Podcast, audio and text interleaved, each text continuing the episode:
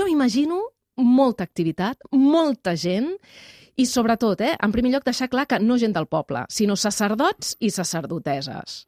Per què? Doncs perquè el poble no hi podia entrar. Clar. Que aquest, clar, Com a màxim arribava a la porta per portar els subministraments dels, eh, com a màxim, sacerdots. aquella sala hipòstila, que és la sala on hi ha aquelles columnes, allà només podien entrar els purs. I els purs són els sacerdots i les sacerdoteses. Jo sí m'imagino molta activitat, perquè nosaltres sabem que els temples no només són entitats religioses, en el sentit que és on viu un déu, i en el cas del temple de Càrnac no hi viu un, sinó tota una tríada, perquè està consagrat a la divinitat Amon, a la deessa Mut i al déu Honsu. Per tant, Amon, Mut i Honsu formen el que nosaltres coneixem com la tríada tabana.